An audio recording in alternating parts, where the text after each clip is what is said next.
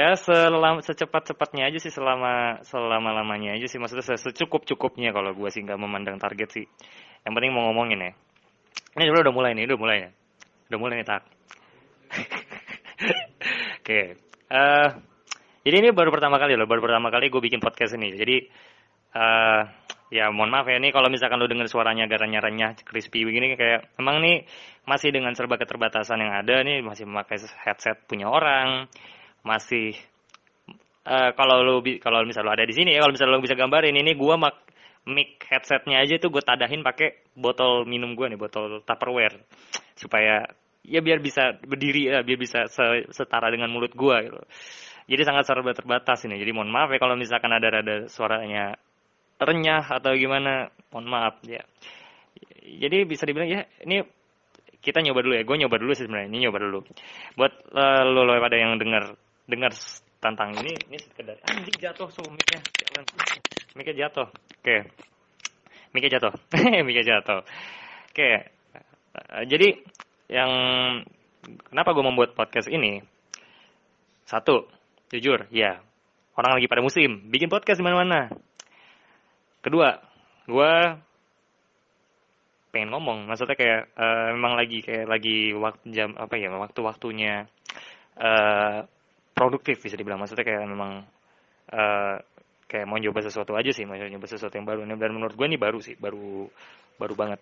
Baru bukan baru banget sih mungkin udah lama ya untuk eh, hal-hal uh, kayak begini ya. Uh, untuk ngomong audio doang dan segala macamnya. Ini pun gue belum tahu juga bakalan mau di mau dipublish di mana mau dirilis di mana juga. Ya udahlah gue bikin dulu lah ya. Oke. Sebenarnya kalau misalnya ya gue bikin podcast ini nggak terlalu mau bahas banyak ya maksudnya kayak yang sama kayak kayak kalau misalkan lu ada yang follow Instagram gue yang paling yang gue isi isi di situ tentang opini gue tentang sesuatu dan nah ini ada yang menarik ya maksudnya mau gue bahas di podcast ini uh, terakhir kali gue bahas di snapgram itu tentang uh, pandangan gue tentang spoiler ya. mungkin salah satu mungkin nanti gue satu saat akan bahas juga di di kalau emang gue ini ya mau bikin lagi ya tapi ya kemungkinan kalau misalkan ke depannya konten-konten gue paling atau di di wadah ini cuma berhubungan sama film-film ada. Ya yang enggak juga sih. Maksudnya kayak ya banyak nanti ya. Maksudnya lu kalau memang tertarik atau ini silahkan beri respon mungkin like atau komen atau dukungan ya intinya yang menunjukkan kalau oh ini jelek atau ini bagus jadi gue bisa memperbaiki gitu loh Nah, salah satu yang mau gue bahas di di podcast kali ini itu soal balik lagi soal ah shit, mic jatuh mulu anjing.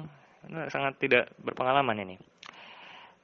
Yang mau gue bahas di podcast kali ini adalah film nomor 2 dengan pendapatan paling bisa dibilang paling gede eh tergede, terba, terbesar kedua yang saat ini di box office saat ini di bawah Avatar Avengers Endgame. Uh, ya lu udah mungkin udah pada nonton lah ya. Maksudnya gue gua nggak perlu khawatir dengan spoiler alert atau uh, apa pun itulah ya. Maksudnya ini udah ini udah tiga tiga tiga minggu ya tak ya maksudnya ini udah gimana? Ini udah ah produser gue ya tiga minggu lah. Dia udah diperbolehin malah. Bahkan di uh, kalau kalau nggak salah Anthony Russo sama Joe Russo udah ini ya udah maksudnya udah saat saat saya ingat gue dua minggu ya. Dua minggu setelah Avengers Avengers Endgame penayangan itu dia udah bilang uh, apa namanya spoiler ban telah di lifting, maksud telah udah diangkat gitu. Jadi lo silahkan kalau misalkan mau spoiler atau lo mau bahas diskusi di komen dan segala macam itu udah dibolehin. Nah makanya uh, menurut gua uh, gua nggak cuma akan bahas endgame doang sih karena endgame itu menurut gua hanya segimana ya sebuah apa ya kalau bisa dibilang mikir jatuh mulu ya sebuah gunung aja sih maksudnya gunung emas gitu loh maksudnya kayak itu sebagai puncaknya aja kayak climaxnya di situ loh intinya. Maksudnya eh, Endgame itu adalah salah, sebuah climax. Kalau lo ngebayangin sebuah kayak gimana ya? Kayak lo kalau lo ngebayangin uh, apa ya seri-seri film lain ya kayak contoh yang panjang-panjangnya modelnya kayak Avengers modelnya kayak Harry Potter.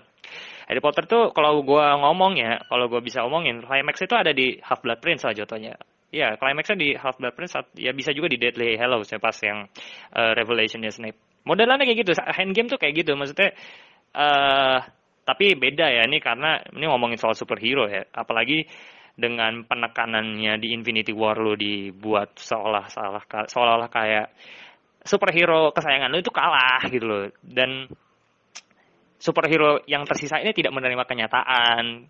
Dan lo sebagai penonton diajak untuk ya gimana ya berpandangan seperti si superhero ini. Whatever it takes nggak nggak peduli dengan gimana caranya mau itu uh, apa namanya tidak sesuai moral mencuri batu di timeline lain dan segala macamnya it's eh, nggak peduli lah itu. Whatever it takes karena ya lo sendiri lah lo nonton lah maksudnya seberapa banyak sih siapa tuh si Steve Rogers ngomong itu. Cuma ada kekhawatiran gue yang muncul ketika setiap ketika setelah eh ya setel, persis setelah gue nonton Endgame persis setelah uh, credit scene-nya yang apa namanya uh, role yang bagian yang enam enam Avengers paling pertama gitu maksudnya yang pas kredit itu pas Robert Downey Jr. kelar langsung mulai keresahan gue di situ ketika Avengers Avengers ini maksudnya ya ya, angg ya anggaplah Robert Downey Jr. deh ketik yang yang ya, notabene lo tau lah Robert Downey ya, si Tony Stark endingnya gimana lah intinya ketika Tony Stark udah nggak ada Avengers mau jadi apa atau bukan Avengers deh MCU mau jadi apa Nah, ini akan gue bahas di sini. Jadi, gue mulai dulu ya dari pengalaman. Kalau kita ngomongin soal climax, pasti kita ngomongin dulu soal ngedaki gunungnya, gitu. Anggaplah gunung climaxnya ini endgame ini adalah puncak gunung gitu. Kalau menurut gue yang puncak gunung, ya dan setiap gunung pasti kalau lo mau nyampe ke puncak pasti lo naikin. Dan nah menurut gue film-film yang 21 ya 21 sebelum endgame ya. Endgame tuh 22 kan? Tak ya? 22 yeah. film kedua-dua. Film ke-20 eh 21 film sebelum Endgame itu menurut gua adalah pijakan untuk lo naik ke puncak gunung itu loh. Nah, uh, ngomongin dari kalau misalkan karena gue uh, gue ngikutin banget sih. Maksudnya uh, ada sih ada cuma satu dua film doang yang gue nggak terlalu ngikutin ya di MCU. Kita paling ngomong paling pertama deh. Kita ngomong soal Iron Man. Iron Man 1. Iron Man 1 itu uh, sebagai apa ya? Sebagai menurut gua gerbangnya lah lu kalau mau masuk gunung kalau mau ngedaki gunung lu baru nemu gerbangnya tuh menurut gua di situ kayak kalau misalkan eh enggak sih enggak juga sih kalau gua tadi mikirnya uh, Iron Man tuh sebagai ya udah nggak sebenarnya tadi nggak ada niatan untuk mau dijadiin tapi sebenarnya ada juga niatan karena uh, Phil Coulson ditampilin di film itu gue lupa. Gue gue terlalu fokus dengan si Samuel Jackson di bagian post credit ini dong. Tapi ternyata ini maksudnya uh, Iron Man itu sudah direncanakan untuk menjadi uh, apa ya namanya? Uh, gerbang. Karakternya loh, ini gue ngomongin karakternya juga loh. Karakternya itu sebagai sebagai menurut gue dia itu intinya gitu loh menurut gue Iron Man. Tony Stark itu intinya Kenapa dia dijadiin film pertama? Kenapa reason di, di balik menurut gue ya menurut gue nih mungkin silakan nanti lu mau debatin ini di di mana pun ya lu mau ketemu gue debatin ini juga silakan gak apa-apa gue ini sedikit ini aja sih ya sharing aja.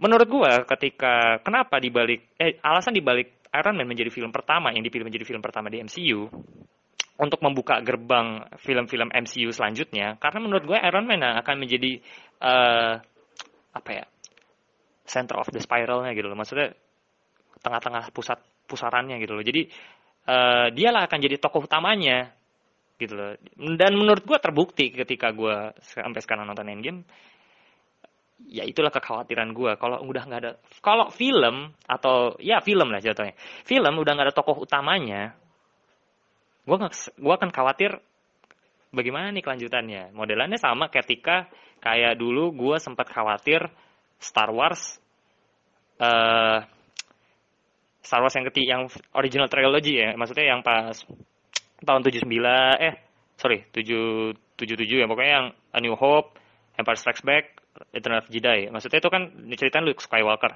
Anggaplah kayak gitu Luke Skywalker, ketika Luke Skywalker udah diceritain udah selesai endingnya cerita selesai dan terus lo 2001 eh 2000, tahun 2000 muncul Phantom Strikes eh Phantom Menace. Ya gitulah film yang trilogy baru yang ceritain tentang Anakin. Itu kayak kayak feelnya beda menurut gua. Kayak karena memang Star Wars itu fokusnya ada di ada di ini ada di siapa namanya? Ada di Luke Skywalker. Persis ketika kalau misalnya gue bandingin ke Avengers uh, ke, ke MCU sorry ke MCU karena pusatnya ada di Tony pusatnya ada di Iron Man. Kenapa itulah kenapa Iron Man di Iron Man 1 itu Tony Stark lah ya jatuhnya.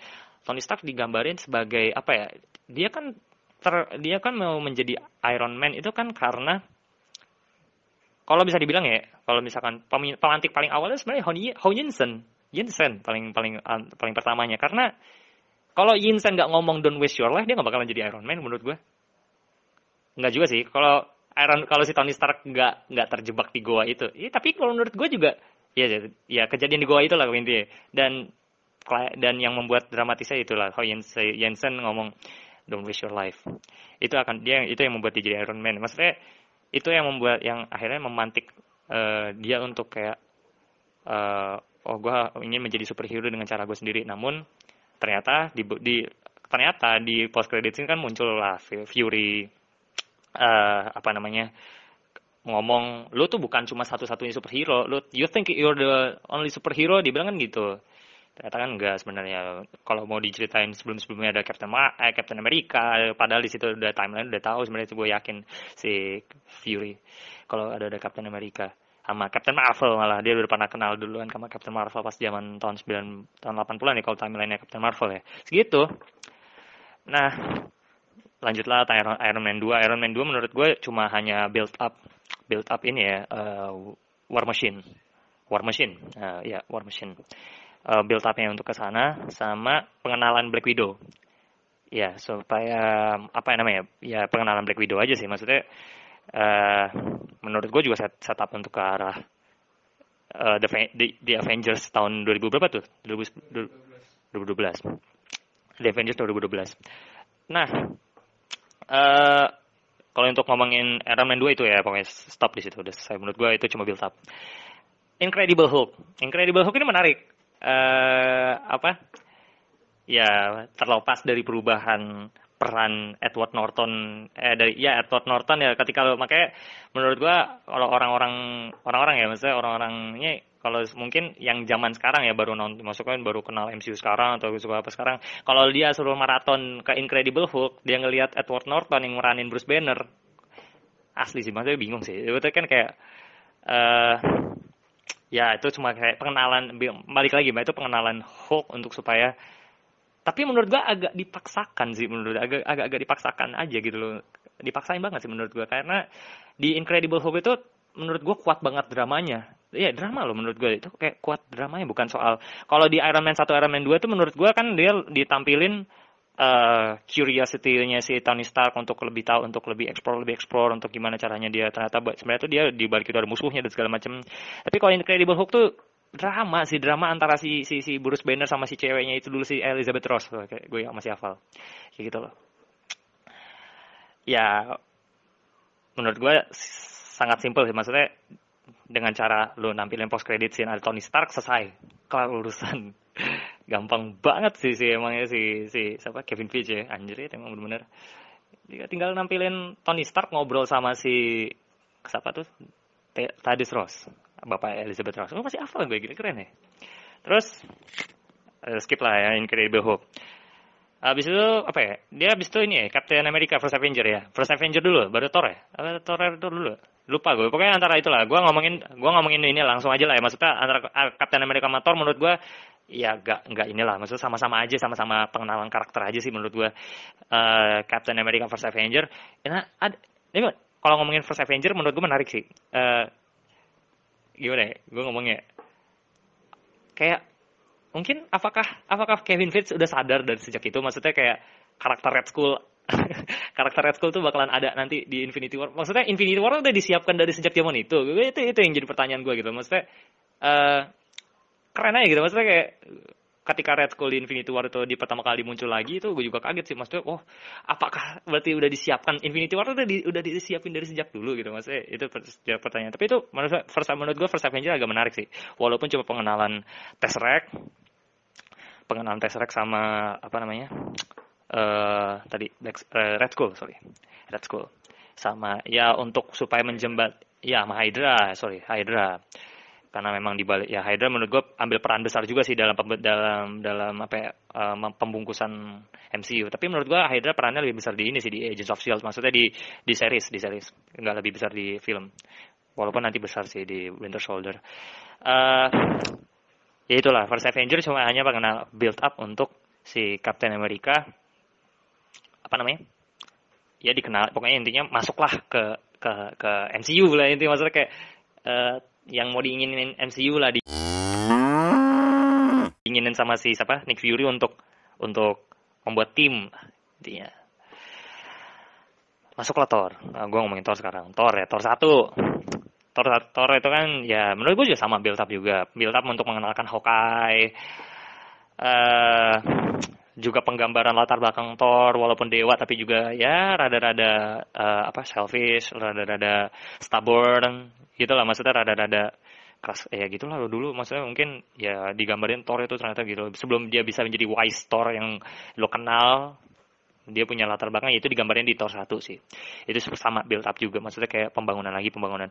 Jadi phase 1 itu memang menurut gue kenapa di Avengers menurut gue sampai sekarang kayak orang menganggap ini bahkan jujur ya pribadi gue juga menganggap menurut gue lebih better in eh sorry lebih better ada Avengers Avengers satu ya di Avengers dibanding Infinity War menurut gue karena menurut iya karena itu karena build up build up menurut gue sangat sangat sangat ini sih sangat keren maksudnya ya apalagi ya udah langsung aja lah masuk eh udah nggak ada film, lagi film ya maksudnya setelah ini udah ya langsung ke The Avengers kan 2012 ya langsung lah masuk ke The Avengers The Avengers itulah yang menurut gue kayak uh, this uh, universe ini menjanjikan, promising maksud saya. Jadi kayak uh, dengan setup, dengan build up, dengan pembangunan karakter, dengan pembangunan cerita yang udah dibangun dari Iron Man ke The Avengers dulu ya, ini malah masuk ke phase 2 menurut gue udah sangat bagus sih sampai dengan hasil di Avengers ya di di di, di Avengers. Sorry di Thor juga di Thor kan juga di, sempat dikenalin Loki Loki sorry. Loki juga menurut gue vital sih penting juga tuh. Loki itu juga karakter yang menurut gue aneh sih ada uh, apa karakter yang villain tapi ya kita peduli sama dia. Saat dia mati ya. Ya dia mati tiga kali loh dalam MCU ya. Eh, itu a fun fact lucu aja gitu masa dewa dewa ya, akhir mati mati juga karena mati dicekek kan kan dia. Eh The Avengers balik The Avengers kalau gue jadi pengantar The Avengers ya The Avengers juga menurut gue pintar sih dengan cara dia. Menurut gue yang paling pintar di bagian ini sih di bagian uh, dia membuat Phil Coulson mati. Jadi uh, pemantik lah pemantik untuk supaya The Avengers ini uh, supaya superhero superhero yang masih selfish ini itu mau bergabung, mau mau mau apa sih? Mau mau untuk melawan bareng-bareng gitu loh, mau untuk avenge bareng-bareng kematian Civil Coulson. Jadi maksudnya ya pemantiknya itu supaya untuk berkumpul itu gitu loh. Itu menurut gua ya salah satu pivotal point juga tuh uh, apa namanya? Uh, momen yang menurut gua sangat ber, apa namanya? ini juga tuh berpengaruh juga di MCU. Ya pokoknya intinya The Avengers lu tahu sendiri lah ya maksudnya uh, Iya, pengenalan dia belum di eh sorry di, di Avengers belum mengenalin Thanos. Gue ingat banget belum belum belum mengenalin Thanos. Dia cuma mengenalin Chitauri. Yang di mana nantinya di, di, di baru diceritain di Guardians of Galaxy ingat gue. Guardians of Galaxy dia baru bilang kalau misalkan uh, penyerangan uh, bukan Guardians of Galaxy apa ini? Lupa gue. Pokoknya nanti ujung-ujungnya nanti ada keterkaitan antara oh sorry Thanos punya keterkaitan sama Ronan Accuser. Ronan Ronan Akisura juga punya keterkaitan sama Citauri. Ya gitulah intinya ya it's kompleks lah. Alien-alien ini susah bangsa-bangsa rese ini. Masuklah ke phase 2 ya. Phase 2. Phase 2 itu dimulai sama apa ya? Gue lupa sialan. Ini uh, Iron Man 3. Ya, sorry. Iron Man 3. Iron Man 3 itu menurut gue uh, film yang mem, mem, membuat apa ya? Membuat me, di balik itu maksudnya kayak untuk menggambarkan Iron Man itu juga uh, se Iron Ironnya dia semanusia se, se, se superhero superhero dia tapi di situ dia di, di di film itu cuma menurut gua pesan yang ingin diinin sih supaya uh, Iron Man itu terlihat ya apa ya dia juga manusia dia bisa stres dia bisa dia bisa ya apa namanya ya stres lah ya karena dia dengan stresnya dia kan membangun banyak itu kan dengan membangun banyak iron iron apa itu namanya? Iron apa sih? Gue lupa itu. Yang pokoknya banyak itulah yang dia nomain satu-satu. Gue ngerti dia bisa hafalin satu-satu gimana itu ceritanya. Uh, ya pokoknya itulah. Gue gue ingat kalau masalah dia bikin 40 biji. Ya masalah ya dia, dia dia Iron Man satu dia pakai Mark 1 Mark 2 terus Iron Man 2 pakai Mark 3 Avengers pakai Mark 4 ya sekitar 38 biji lah 30-an biji. Dia pakai dia bikin tuh sampai di Iron Man 3 dan menurut gue itu, itu salah satu cool movie apa movie apa film yang bagus juga sih. Dia salah satu DMC yang menurut gue bagus juga Iron Man 3 karena drama karena di di samping di di set, di setelah dia di dua dua film sebelumnya di Iron Man 1 Iron Man 2 dia menggambarkan uh, Tony yang apa ya yang ya kayak biasa ya penggambaran dia playboy, genius, millionaire dan segala macamnya.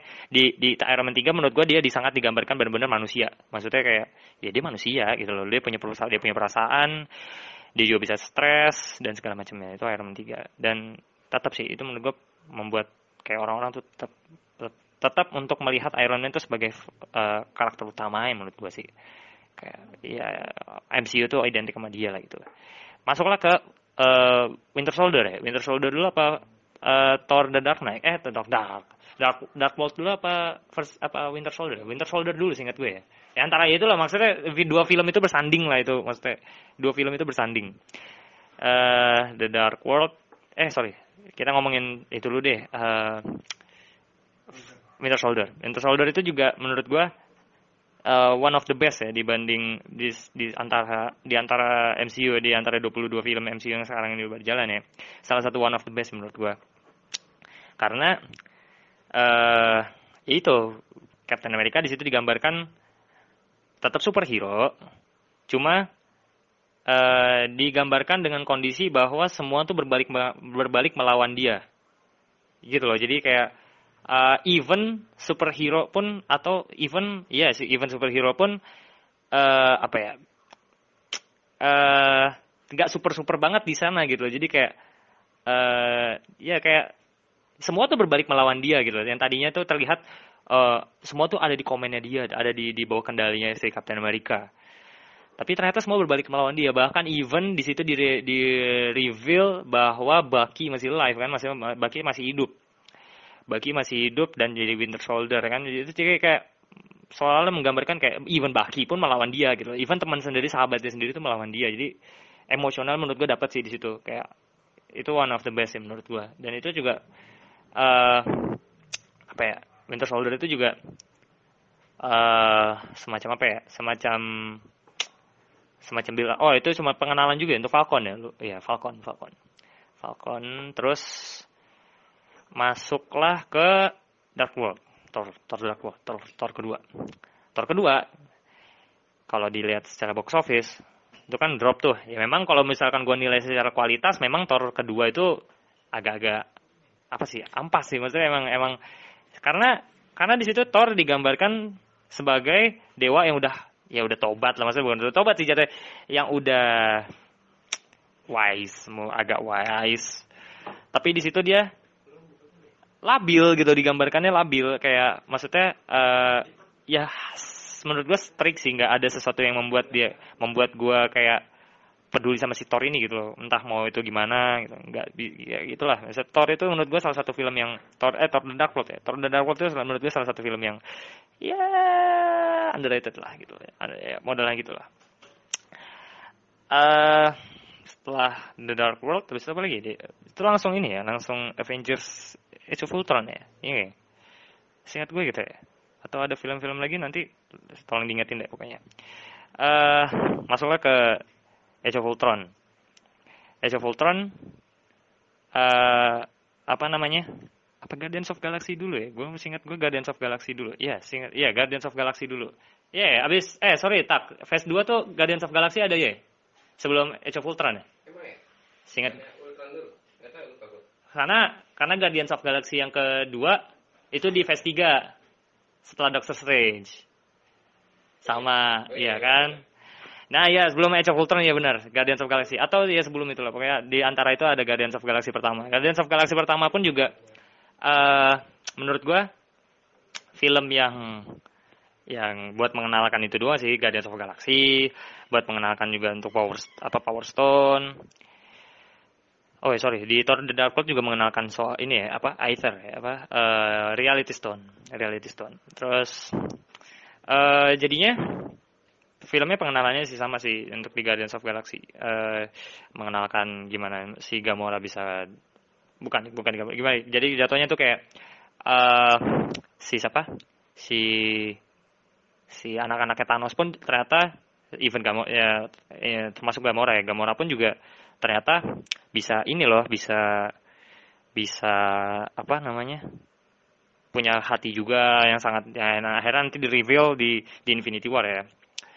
Uh, ya intinya maksudnya Guardians of Galaxy menurut gue juga juga build up build up aja untuk supaya masuk supaya Guardians of Galaxy yang antah berantah itu bisa masuk ke MCU masuklah ke Age of Ultron. Age of Ultron juga menurut gue Avengers Age of Ultron ini menarik karena di situ di film itu digambarkan uh, bahwa musuh para superhero ini bukan cuma alien-alien yang ada di luar angkasa gitu loh. Musuhnya itu ternyata ada di dalam diri mereka juga sendiri gitu. Musuhnya itu ada ternyata juga hasil uh, ulah manusia. Manusia itu juga bisa membuat musuh gitu loh sama para superhero ini gitu loh. Kan Tony Stark yang yang apa? Yang yang apa sih namanya? membuat yang yang ya yang untuk yang asal muasal Ultron kan di di film itu kan Tony Stark yang tadinya mau membuat artificial intelligence tahu-tahu jadi Ultron eh Ultron. Akhirnya jadi ya mulailah event itulah ya maksudnya Age of Ultron itulah. Dia Age Ultron juga pengenalan Vision Vision juga di, ya itu pengenalan Mindstone juga dan segala macam ya. Uh, terus Age Ultron juga ya menurut gue salah satu yang perang yang menurut gue epic sih epic juga tuh karena uh, apa namanya ya gitu walaupun lawannya an, bukan android sih jatuhnya apa ya walaupun lawannya robot sih robot tapi digambarkan secara epic sih menurut gue salah satu yang keren juga tuh di situ. Apalagi di scene yang di gereja kan yang like a, like a, like a old man says together ya bersama-sama ya, lawan ya itulah maksudnya kayak itulah yang menurut gua phase 2 juga menurut gua cukup tapi nggak terlalu maksudnya nggak bagus-bagus banget sih nggak berhasil berhasil banget untuk build up ke Avengers Age of Ultron tapi menurut gua ya enough lah cukup lah seenggaknya cukup untuk membuat build up ke ke Age of Ultron. Dan outcome dari Age of Ultron pun juga akhirnya berdampak sama Civil War kan jadinya. Apa namanya? Uh, Sokovia Accord akhirnya nanti si si siapa namanya uh, pecah lah pecah kongsi si si Iron Man sama Captain America.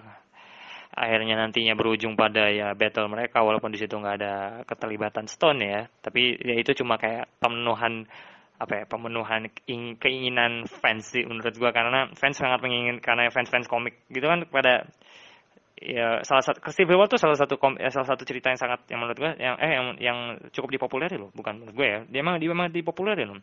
Cukup populer maksudnya di komik di komik dan makanya menarik juga sih Civil War digambarin. Tapi ya balik lagi uh, apa ya menurut gua seenggaknya kalau dibandingin sama tetangga si Batman versus Superman menurut gua build up masih mending dia sih masih mending si Civil War dibanding si si Batman versus Superman. Ya kan? Terus cuma ya itu baik lagi itu pengen, dia di situ pengenalan Black Panther pengenalan Spider-Man di ya menurut gua asli loh. Menurut gua MC itu yang membuat gua agak-agak juga tertarik dia itu uh, bisa mem mem membuat membuat ya membuat uh, apa ya si siapa namanya?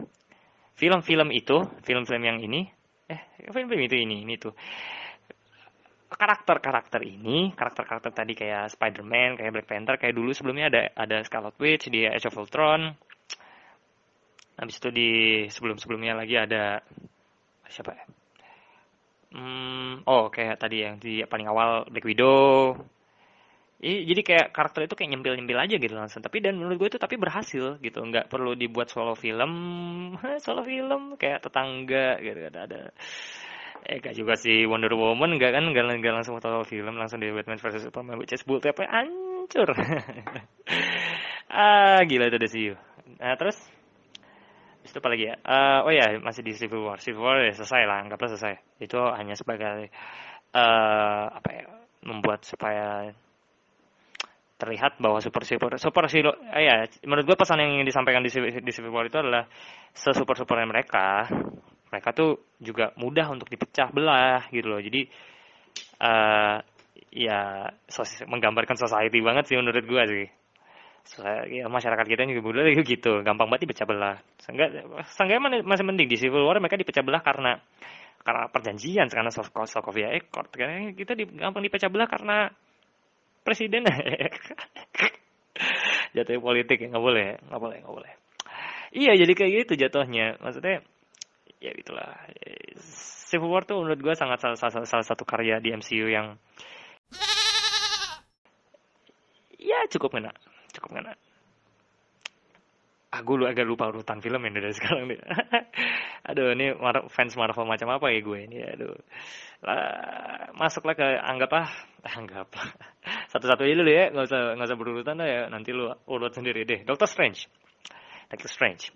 Doctor Strange juga menurut gue menarik karena ini superhero ini nih si si Doctor Strange ini hanya di di apa ya di tease di dimunculkan sedikit loh, kecil. Yang satu Winter Soldier saat si Jasper Sitwell ngomong Super Strange, jadi saat dia bilang oh, Hydra itu punya, eh sorry, algoritma Zola. Algoritma Zola itu dia dia bilang algoritma Zola itu udah menduga orang-orang yang nantinya ke depannya akan akan ya mengancam Hydra dengan dan dan akan dibun, mending dimusnahin masal dan salah satu disebut Stephen Strange dia hanya disebutin di situ loh tapi ya ya ya menurut gue ini salah satu di, sorry. Oh ya ini sedikit ini juga ya sedikit sharing juga. Si Doctor Strange itu adalah salah satu satunya menurut gue ya satu satunya superhero yang yang yang gue nggak kenal bang yang gue nggak kenal sebelumnya tuh gue nggak kenal asli. Even Iron Man ya even Iron Man Captain America Hulk apa lagi? Uh, Black Black Widow Black, enggak enggak no no no. Intinya maksudnya kayak ya enam origin Avengers gue masih agak kenal gitu masih agak uh, familiar. Karena karena masih maksudnya uh, ya masih familiar lah kalau untuk untuk Marvel. Menurut gue masih agak sering nemu sering nemu gitu. Se, se asing Black Widow atau dulu dulu pas masih pertama kali ya. Tapi maksudnya seenggaknya gue masih agak familiar. Doctor Strange ini yang gue sangat sangat tidak familiar. Kok emang emang di Marvel ada? Setelah gue cek ah, emang ada? Dan kekuatannya ah yang menurut gue dulu gue ketika gue nonton Doctor Strange itu gue sedikit agak wanti-wanti sih agak sedikit khawatir. Khawatirnya dalam artian wah ini film superhero gue nih film MCU nih udah mulai merambah sihir. Sihir maksudnya kayak yang gue tangkap ya dari MCU ya yang membuat yang membuat gue uh, apa ya tertarik ya dengan MCU karena kayak jatuh lagi Karena MCU ini uh, apa namanya? superhero superhero-nya ini menurut gue uh, kayak beda satu-satu deh ya. Iron Man kepintaran intelektual. Captain America seenggaknya ya maksudnya uh, super kepintaran manusia juga karena yang membuat serum yang membuat dia jadi manusia super itu juga mana kepintaran manusia sih menurut gue.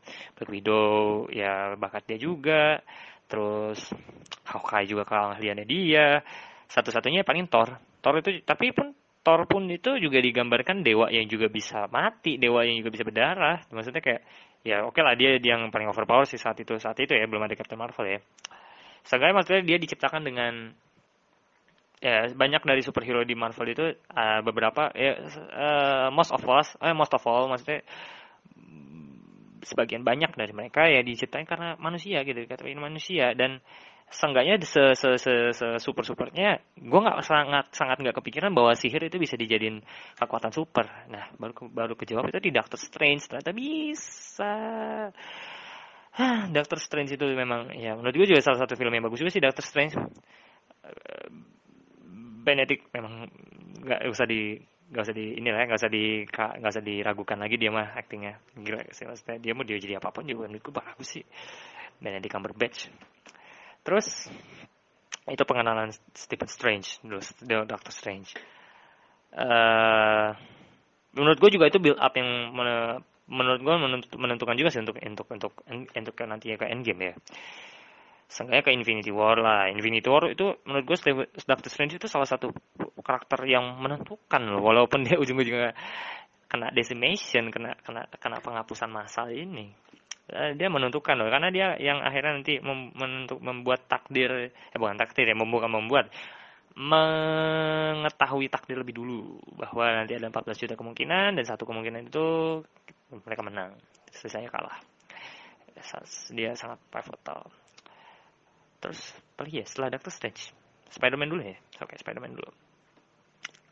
Spider-Man uh, itu juga film yang menurut gue hanya sebuah film yang apa ya Spider-Man itu cuma film penghibur fans Marvel fans Spider-Man yang merindukan Spider-Man tuh ada di MCU udah gitu aja. Maksudnya kayak cuma film penghibur walaupun ya walaupun ada keterlibatan Tony Stark di situ ya. Maksudnya sebagai sebagai yang buat naikin naikin untuk ya membuat seolah-olah ini tuh Spider-Man ini berbeda dengan dari dua Spider-Man yang sebelumnya dari zaman Tobey Maguire sama Andrew Garfield. Jadi karena ada si Om Tony gitu. Jadi si Tony ini yang yang yang menjadi pembedanya lah gitu loh. Jadi kayak kelihatan oh ini film ini MCU banget.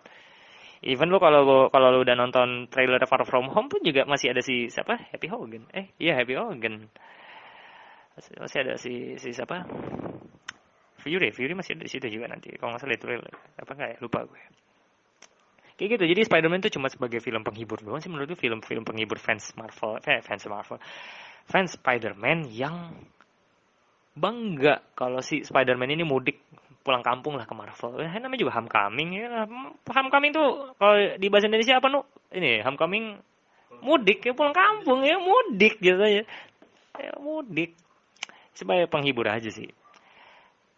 Habis itu apa? Guardians of Galaxy 2. Nah, itu salah satu nah ini yang gue sebut Guardians of Galaxy 2 ini salah satu film yang gue nggak gue nggak nonton. Gue nggak nggak gue nggak tertarik. Mak eh jujur ya jujur. Gue nggak terlalu nggak terlalu prefer sama Guardians of Galaxy karena menurut gue itu gue nggak terlalu nggak terlalu cocok dengan ininya dia sih. Sampai sekarang loh. Sampai sekarang bahkan event setelah gue nonton Endgame pun gue belum sampai sekarang ini belum pernah nonton Guardians of Galaxy Vol 2 dan Black Panther. Ya gue belum nonton tuh soalnya kakak, kakak gue tuh sering banget maksudnya kakak gue juga salah satu yang ngikutin MCU dan kalau ada film MCU dia sering banget sih maksudnya dia sangat dia sering ngajakin banget untuk nonton. Nah entah kenapa saat itu Guardians of Galaxy Vol 2 dia nggak tertarik. Nggak tertarik untuk ngajak gue nggak ter, bukan nggak ngajak gue sih ya. Dia juga kayak nggak nonton nggak nonton nggak ngikutin Guardians of Galaxy karena menurut gue sama sih gue juga nggak merasa tertarik sih Guardians Guardians of Galaxy Vol 2 walaupun katanya ceritanya bagus ya masalah tentang ayahnya ya diceritain latar belakangnya Peter Quill lah. Intinya maksudnya dari family-nya dia uh, bokapnya lah bokapnya si villain utamanya. Ya ada hubungannya juga nantinya dengan ya gitulah. Maksudnya ada hubungan nanti juga. Menurut gue itu nanti akan dipersiapkan untuk phase 4 sih. Itu yang kemunculan si manusia-manusia kuning itu yang nantinya uh, yang yang ujung-ujungnya untuk mereveal ada Morlock lah. Lo kalau misalkan emang fans Marvel garis berat lo tau lah ada Morlock silahkan dilihat sendiri terus Enggak, gue gak mau bahas banyak sih gue ada Super Galaxy Vol 2 karena gue nggak nonton. Tapi menurut gue itu cuma sama sama uh, film-film apa ya? Film build up supaya ya build up aja sih supaya oh enggak oh ya build up aja karena untuk menggam, untuk mem, mem, membuat supaya si Nebula ini ber di ada di sisi di sisi, di sisi yang baik Guardians of Galaxy di bagian yang baiknya itu doang. Itu doang sih menurut gua untuk Guardians of Galaxy. Masuk ke apa tuh? Thor ya Thor Ragnarok. Thor Ragnarok pun sama menurut eh menurut gua Torak Narok nah oh ya sorry Torak Torak Narok itu menurut gue paling paling paling apa ya paling paling beda sendiri menurut gua. Karena uh, apa ya Torak Narok ini?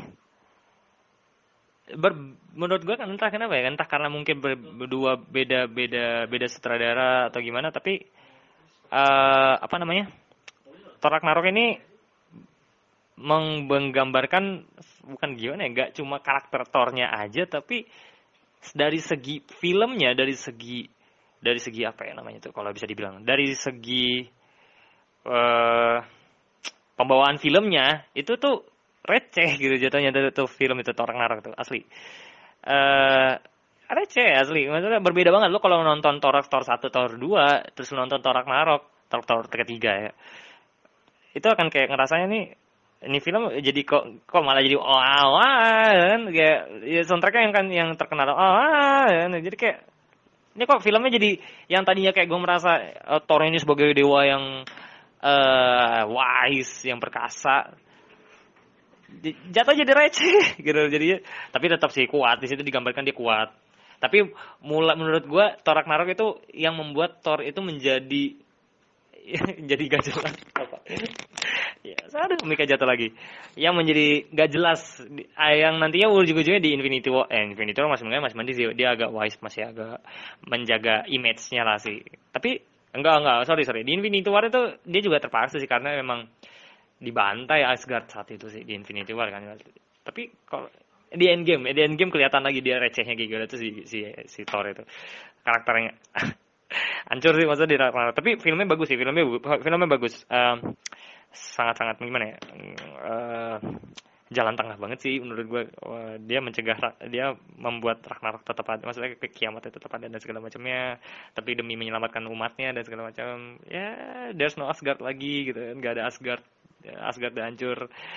Uh, sebuah sebuah apa ya? Sebuah sebuah kalau bisa gue bilang ya sebuah penutup yang bittersweet lah kalau bisa dibilang untuk Thor. Ya untuk Thor. Dan bangsa eh enggak enggak untuk Thor bangsa Asgard. Karena saat itu bangsa eh Thor masih Thor masih ada masih ada pas lagi apa? Endgame masih ada Infinity War masih ada sekarang bahkan di Endgame diceritain di akhir dia mau di dia akhirnya bergabung sama Asgardians of Galaxy dia bergabung sama mereka. Jadi menurut gue nggak Thor nggak berakhir. Yang berakhir tuh bangsa Asgard di film Ragnarok itu. Aduh, kasihan bangsa-bangsa Asgard ini. Terus setelah Thor Ragnarok, seingat gue langsung ya, langsung Infinity War ya. Apa? Oh, sorry, Black Panther. Black Panther dulu. Black Panther gue juga belum nonton sih sampai sekarang sumpah gue nggak terlalu ngikutin. Tapi katanya bagus banget sih filmnya ya.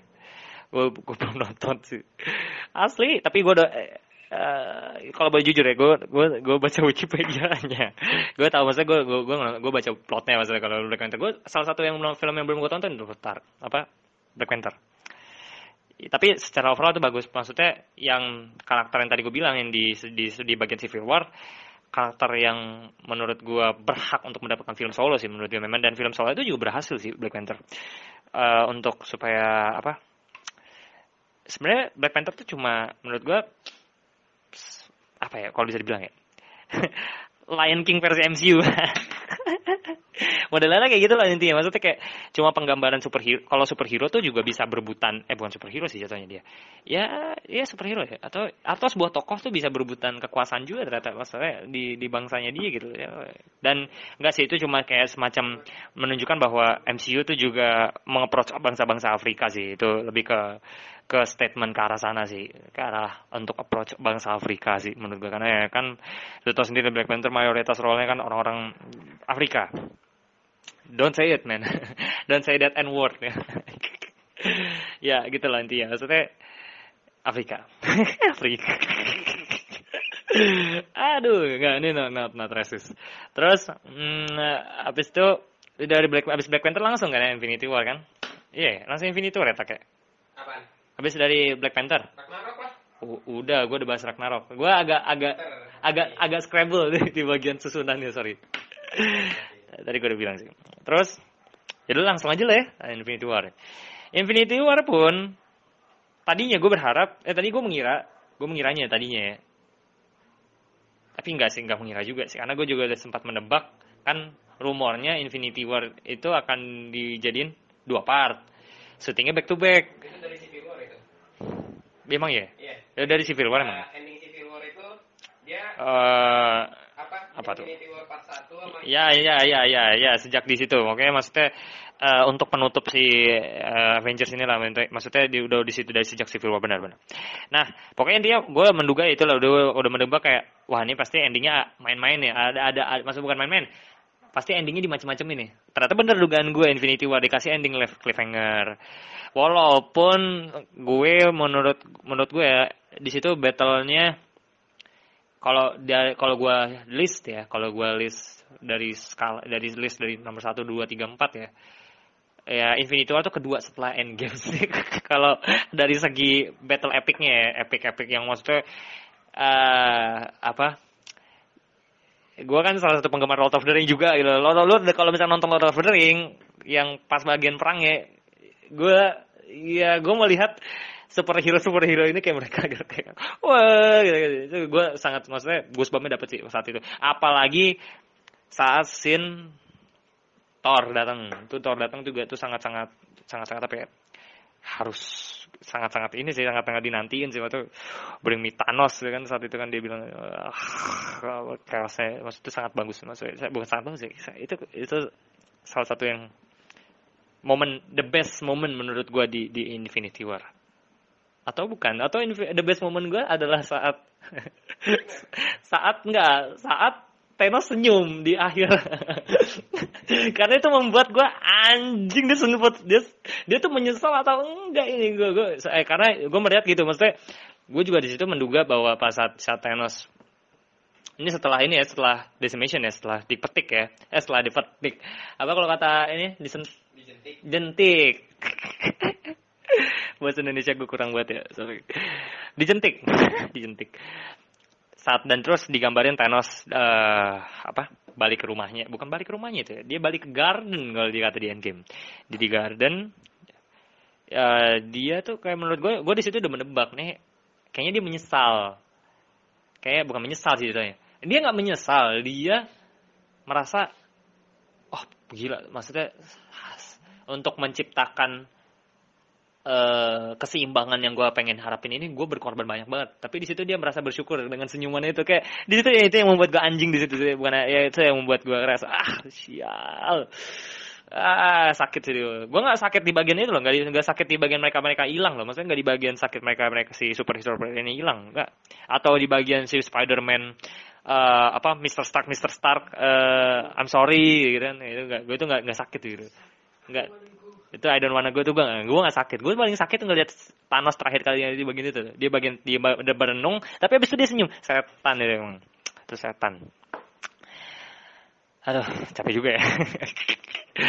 Ini baru pertama kali ini nih gue belum terlatih nih ya.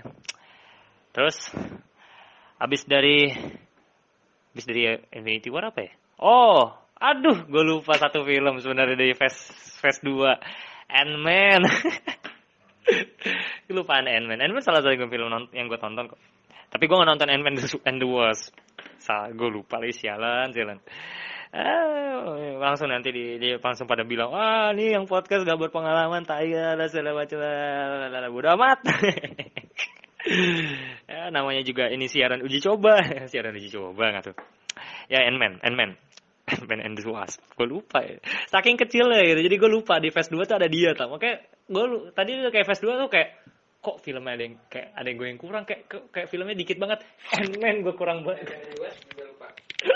Gue baru sadar di Ant-Man and the Wasp malah justru setelah bahas Infinity War eh, eh, gue lupa Ant-Man. Aduh goblok goblok. Oke Ant-Man. Ant-Man juga menurut gue gak sebenarnya gak terlalu perlu dibahas juga sih Ant-Man. Ant-Man tuh cuma eh, menurut gue untuk membangun eh ini apa namanya eh, jawaban daripada yang akan disampaikan di Endgame. Entah itu nanti pim particle quantum realm time travel itu semua menurut gua dari build up sebenarnya dari dari Ant-Man 1 sih. Kan Ant-Man 1 itu kan si Ant-Man-nya kan sempat apa namanya eh, jadi mikro ya, ukuran mikroskopik ya namanya apa dia? Jadi kayak ke quantum realm kan jatuhnya itu iya Apaan? yang di Ant-Man 1 yang si si siapa Scott Lang-nya jadi kecil banget itu itu quantum realm Yang- ya kan quantum realm Ya, itu Ya, iya, ya itu maksudnya dia maksudnya masuk masuknya berarti ke quantum realm itu kan, walaupun jadi mikro. Nah itu maksudnya di situ pengenalan quantum realm. Jadi ya itu sih yang tadi gue bilang pengenalan pengenalan quantum realm, time travel, paham- pim, pim particle itu yang akan menjadi jawaban di Avengers Endgame. Terus eh Endgame. untuk Endgame dan untuk Endgame sendiri yang tadi gue bilang setelah capek ya kan kita capek untuk men- menempuh Alhamdulillah Rabbil Alamin. Ini sangat amatir ya. Bahkan tahak pun harus direcord gitu. Endgame itu pun yang tadi gue bilang puncaknya. Puncaknya dan ketika gue ini jujur ya gue nonton end gue bah kalau mungkin gue udah sempat ngepost juga ya di di apa di di snapgram di snapgram di opini gue yang ketiga.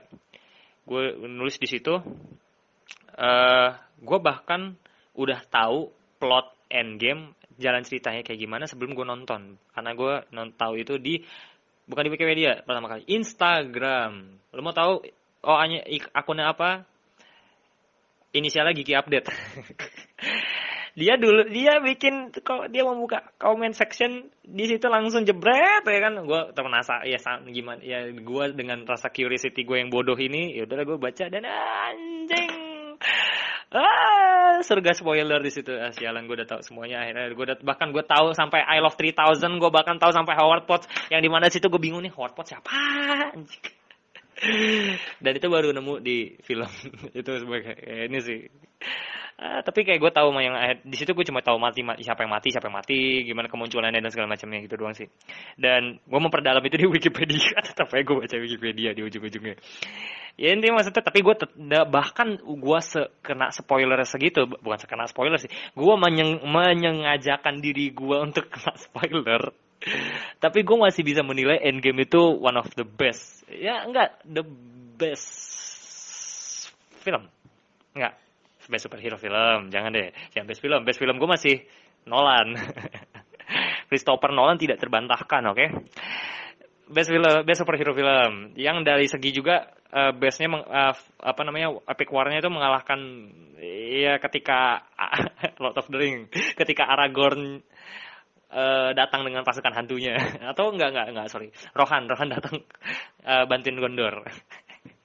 Gig gig dulu kan benar-benar nah itu. Jadi benar-benar gue merasa Endgame itu adalah puncak. Jadi benar-benar udah menyelesaikan perjalanan jauh gue nih ya dari tadi. Selama 51 menit ngomongin nge-review ya menurut gue nge-review ulang pengalaman gue uh, mengikuti MCU sampai sampai detik endgame. Nah, masuk ke pertanyaan eh bukan pertanyaan. Ini pertanyaan paling pamungkas menurut gue dan bukan pertanyaan pamungkas sih. Apa yang akan terjadi dengan Phase 4 apa yang akan terjadi dengan pasca endgame menurut eh, uh, yang menurut gue agak akan sangat-sangat mengkhawatirkan. Uh, Endgame itu menurut gua yang tadi gue bilang puncak. Pinnacle, pinnacle kalau di bahas, kalau ngomong apa bahasa Inggrisnya grammarnya pinnacle. Pinnacle.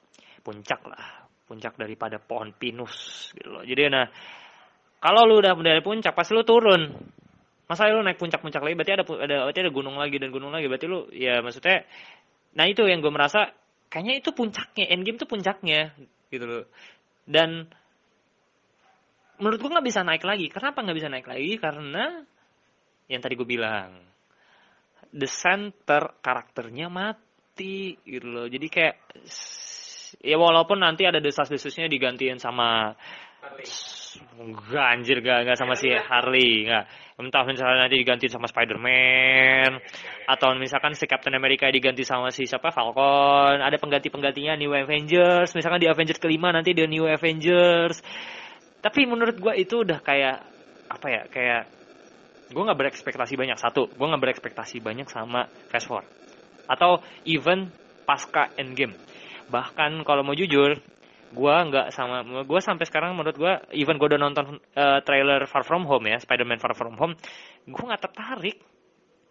Nggak tertarik sama sekali nggak ngerti kenapa walaupun dia ngetis Iron Man di, dia sangat terbayang-bayang Iron Man dia begini dia begitu dia liburan.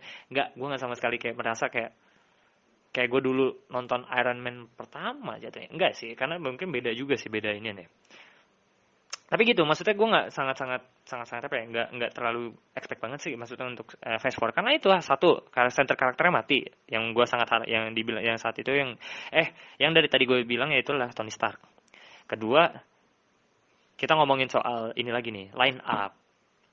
Line up yang tersisa untuk uh, pasca endgame masih banyak ya, maksudnya uh, jatuhnya ini ya, jatuhnya tuh yang paling dari 6 original original six ya kalau nyebutnya kalau original six Avengers. Kan yang tersisa cuma Captain America tapi pensiun ya kan? Captain America pensiun diganti si Falcon gue nggak tahu Bruce Banner nanti akan tetap jadi profesor, profesor pasti sih jadi profesor Hulk. Clint Barton menurut gue nggak akan mau jadi superhero lagi karena ya gitu dia akan sangat-sangat missing his family. Maksudnya eh, dia udah menghabiskan waktu sama keluarganya dia pas keluarganya ke hilang aja dia langsung jadi brutal anjing jadi beringas. Ya kan? Sama satu lagi sisa siapa ya? Gue gue ada yang lupa.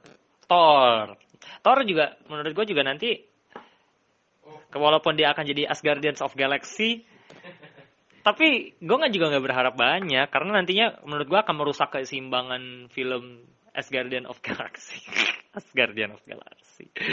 Ya akan merusak keseimbangan dari artnya Guardians of Galaxy. Artnya karena Guardians of Galaxy itu ditampilkan tidak memiliki superpower banyak ya. Di situ nggak nggak banyak superpower. Nah ketika di misalkan menurutku disandingin dengan Thor apa ya kayak menurut gue nggak nggak nggak sih nggak nggak dapet. Nggak dapet nggak nggak nggak nggak bisa menurut gua Thor itu menurut gua Thor itu cocoknya kayak gimana ya? Kayak ya punya solo film sendiri. Terus apa namanya punya karakter-karakter pendukung kayak biasa kayak misalkan contoh kayak di eh, Thor Ragnarok. Ada Valkyrie ada si siapa? Mick dan Korg kayak Mick dan Korg itu juga satu inden itu keren tuh karakter keren Iya gitu loh maksudnya kayak eh, apa namanya menurut gua gue nggak expect banyak sih Thor dengan Guardians of Galaxy paling juga nanti ujung-ujungnya mereka nanti di konflik mereka akan terjadi konflik perebutan kapal yang di mana sudah ter tercium bumbunya di ending endgame paling itu sih nggak jauh-jauh dari situ atau atau mungkin. Oh enggak, sorry, enggak, sorry, salah. Mungkin Guardians of Galaxy nanti akan terinspirasi sama Pirates of Caribbean. si Quill diterdam apa di dibuang ke planet yang kapalnya diambil sama Thor. Thor itu Barbosa. Kayak gitu jatuhnya. Enggak sih, enggak juga. Enggak, enggak usah terlalu dianggap serius. Maksudnya, gue nggak mau expect banyak sih untuk Phase 4. Bahkan setelah gue melihat film-film yang dirumorkan, kayak misalkan Black Widow nanti akan dapat solo film, ya paling juga itu prequel. Doctor Strange 2, Black, Black Panther 2, terus juga Shang-Chi, gue Shang-Chi tuh yang film eh, apa karakternya katanya bela diri Cina ya dia apa super karakter super juga tuh. Gue nggak tahu juga nggak terlalu ngikutin. Di Eternals, di Eternals itu katanya ini ya apa namanya super power juga. Maksudnya dia kelompok orang-orang super juga katanya super, di Eternals. Tapi menurut gue itu loh kayak kayak kayak gimana ya kayak kayak merusak bukan merusak sih jatuhnya. Udah kayak nggak dapet lagi film menurut gua. Nggak tahu ya nanti dalam nggak tahu nanti eh siapa pun yang mengelola MCU karena katanya Kevin Feige kan kontraknya habis 2020 katanya. Jadi nggak tahu ya nanti siapa pun yang memegang MCU bagaimana cara mereka mengelola Phase 4 dengan gimana ceritanya atau nanti akan ditonjolkan musuh yang lebih sangat lebih kuat dibanding Thanos. Dan tapi tapi tapi sejauh tapi menurut gua kayaknya gua nggak expect banyak sih untuk 4 karena itu balik lagi lain apa menurut gua dengan dengan New Avengers maksudnya New Avengers kan jatuhnya kayak eh, Avengers Avengers yang tersisa itu kan masih banyak banget tuh. Scarlet Witch nanti nasibnya gimana? Kan jomblo dia kasihan walaupun nanti dia dapat eh, Disney Plus yang WandaVision tapi tetap aja sih kalau di film dia kan sendiri jomblo. Atau nanti ada rumor-rumor Vision akan dihidupkan gue nggak tahu juga. Eh apa lagi ya Yang Winter Soldier itu apa ya? oh itu Winter Soldier tuh si Bucky oh, nggak sana eh sorry Iya yang sama Oke. Falcon. iya si apanya oh itu kenapa enggak si. Enggak, Winter Soldier kalau menurut gua nggak akan terlalu banyak dieksplor karena paling dieksplornya ketika nanti ada suatu event yang di mana di situ paling enggak gue menurut gua nanti aksi Bucky atau si Winter Soldier cuma akan jadi sidekick sidekicknya si Falcon udah itu doang enggak iya, sidekicknya aja. Modelannya kayak Batman dan Robin lah contohnya. Terus ya maksudnya secara line up itu eh, saat saat ini ya menurut gue MCU itu kebanjiran. Asli. Kalau mau mau mau ngomong ngomong ini ya mau ngomong secara jujur juga ya. Gue tadinya tuh menduga Endgame tuh banyak banget ba. Ada beberapa yang mati itu nggak cuma dua orang. Eh, nggak nggak juga sih. Iya mati cuma dua orang kan? Cuma si Tony Stark sama Rom, Nat, Natasha kan maksudnya nah itu villain maksudnya iya gue hanya ber, gue tadinya tuh berharapnya eh, yang mati tuh lebih banyak daripada itu superhero nya karena menurut gue itu di situ aja di endgame itu tuh ter- superhero-nya tuh banjir. Gue karena gue tahu pasti endingnya nanti semua dibalikin, pasti ada scene di mana seluruh Avengers bertarung bersama. Dari situ udah terlihat, oh ini superhero-nya banjir. Nah kalau udah si film film superhero-nya banjir, ini gue baru ini gue berkepikiran, apakah nanti di Phase 4 akan ada suatu event yang di mana eh superhero yang superhero banjir ini dimatiin satu-satu? Tapi nggak juga karena itu Ya sih, iya sih. karena menurut gua nggak mungkin Marvel kayak mau membiarkan asetnya seperti itu aja gitu loh.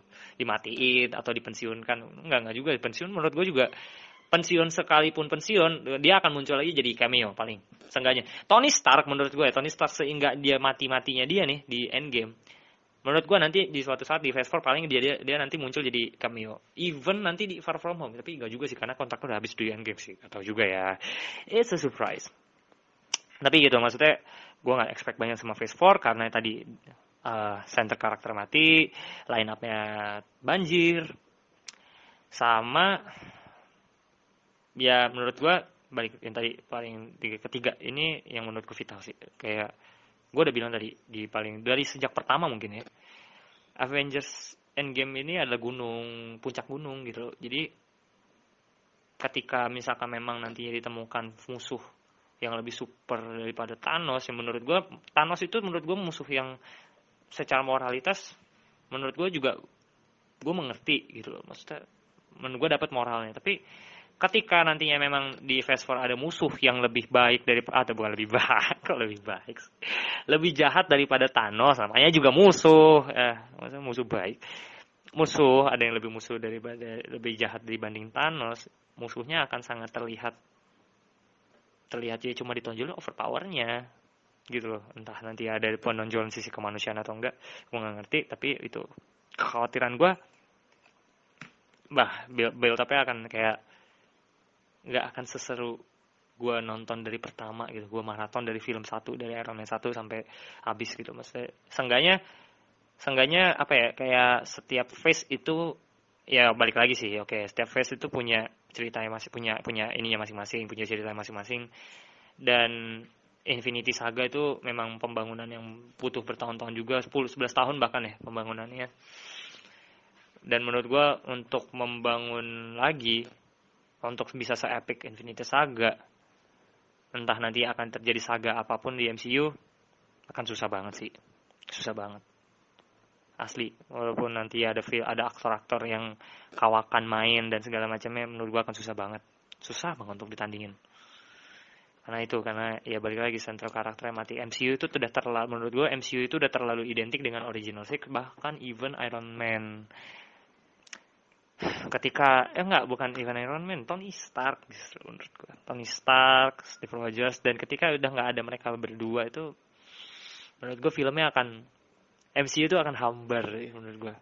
Nggak tahu nanti di up dengan kayak gimana ya. Tapi bisa jadi juga Phase 4 akan berhasil. Bisa juga.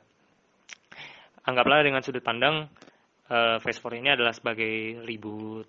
Tapi nggak reboot juga sih nggak reboot juga ya memulai sesuatu yang baru lah intinya. Maksudnya sesuatu saga yang baru kayak tadi gue bilang saga baru. Kayak gitu. Jadi ya bisa aja sukses bisa aja enggak. Ya tapi bagi gue pribadi gue nggak berharap banyak karena yang tadi gue jelaskan. Kayak gitu sih. Tapi terlepas dari itu silahkan lu jika lu punya uh, jika teman-teman yang dengerin ini punya apa namanya punya pendapat lain atau punya uh, teori lain atau punya ekspektasi yang tinggi juga terhadap ekspor silahkan tulis di tempat yang tersedia. Gue nggak mau nyebut itu kolom komentar karena gue nggak tahu ini akan dipublish di mana. Ah udah amat lah itu lah gue nggak tahu gue ini, ini menurut gue uji coba yang menarik sih untuk untuk memulai podcast sih walaupun satu jam 35 menit. Ini asli loh gue merekam ini di WhatsApp jujur. Gue gue membuat sebuah grup kosong. Karena menurut gue kualitas kualitas audionya lebih bagus di WhatsApp asli. Gak modal banget asli ini pembuatan produksi pertama. Tapi menurut gue ya Iron Man membuat Mars 1 aja ya dengan keterbatasan. Gue membuat podcast ini juga dengan keterbatasan.